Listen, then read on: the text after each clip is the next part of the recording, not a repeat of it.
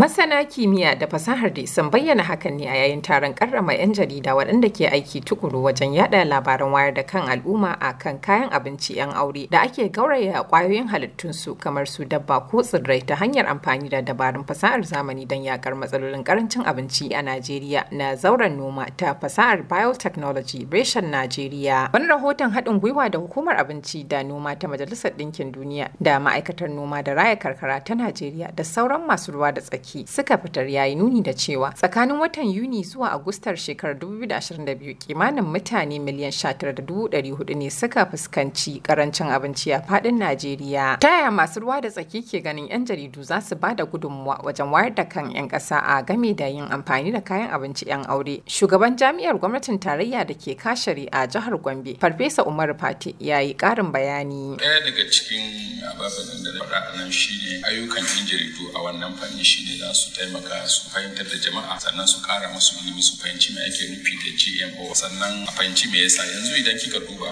al'ummar Najeriya kullum karuwa muke. Yanzu ana zaton cewa nan da shekara ashirin za mu kusan miliyan ɗari huɗu a duniya. Kuma kasan da muke da shi da kuma irin yayin noma da muke yi ba zai isa ya ba mu abincin da jama'a mu za su ci sannan har mu samu na sayarwa a ciki da kuma waje ba. Saboda haka dole ne a sami sabbin hanyoyi da kuma sabbin dabaru na yin noma a sami abinci zai ishe mu to dole ne a ɗauki irin wayannan dabarun domin yanzu duk duniya da magana da ake. Dr. Rose Maxwell Gidado da ke zaman jagorar zauren kula da aikin noma da fasahar biotechnology reshen Najeriya ta yi bayani akan aikin su a OFAB. Muna aiki da 'yan jarida muna ba da ganarwa na wannan fasahar da muke yi wanda ke taimaka manoma yana samo gantattun ire-ire wanda yana kawo musu amfanin gona sosai. GMOs kayan abincin 'yan aure kuma yana da kyau sosai. Manoma sun samu wannan ire-iren sun samu na auduga sun samu na wake wake nan da aka inganta ta wanda ƙwari ba su dame ta ba. Mutane sun fara karɓa. Ai manoma da suka yi wannan wake wannan shekara ta biyu kenan.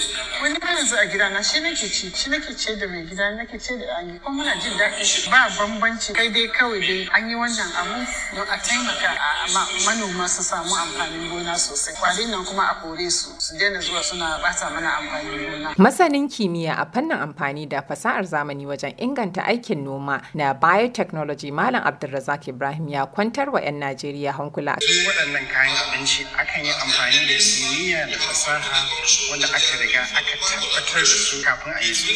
Saboda haka ba wai mutum ɗaya ne zai zauna ya ce ya kirkira zan yi wancan zai wancan zai a haɗa a duba shin ya yi daidai wani lokacin ma a ɗan kuskure a koma ɗakin gwaji haka har ya fito kafin ya zo hannun ko manoma ko kuma waɗanda su amfani da shi kuma akalla akan samu wajen shekara goma sha uku kafin a ce daga lokacin da mutum yana ɗakin bincike fara tunanin ga kayan abincin da zai kamata a gyara ko aure din zuwa lokacin da za ta fito a ce ga shi nan manoma suna iya amfani da shi.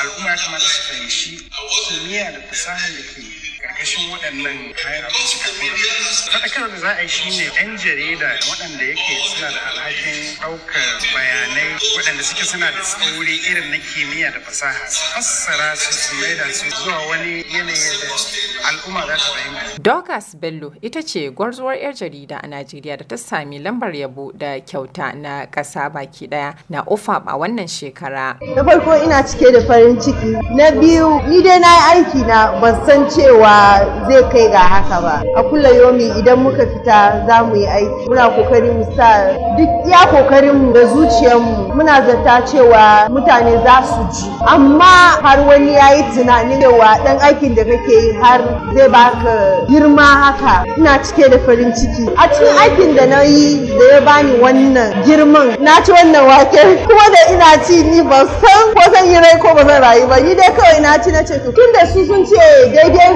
kuma mun yadda da su. Bari in nuna ma mutane cewa su ma za su iya ci. Kayan abinci yan aure wato GMO su ne samfurin abinci waɗanda masana kimiyya ke sauyawa ƙwayoyi ko fasalin halitta ta hanyar amfani da dabarun fasahar injiniya na zamani wanda mutane da dama suka yi imanin cewa abincin GMOs na da illa ga lafiya. Sai dai masana kimiyya sun ce babu illa ga lafiya da aka tabbatar a halin yanzu. Nima Abdulrahman murya Amurka daga Abuja Najeriya.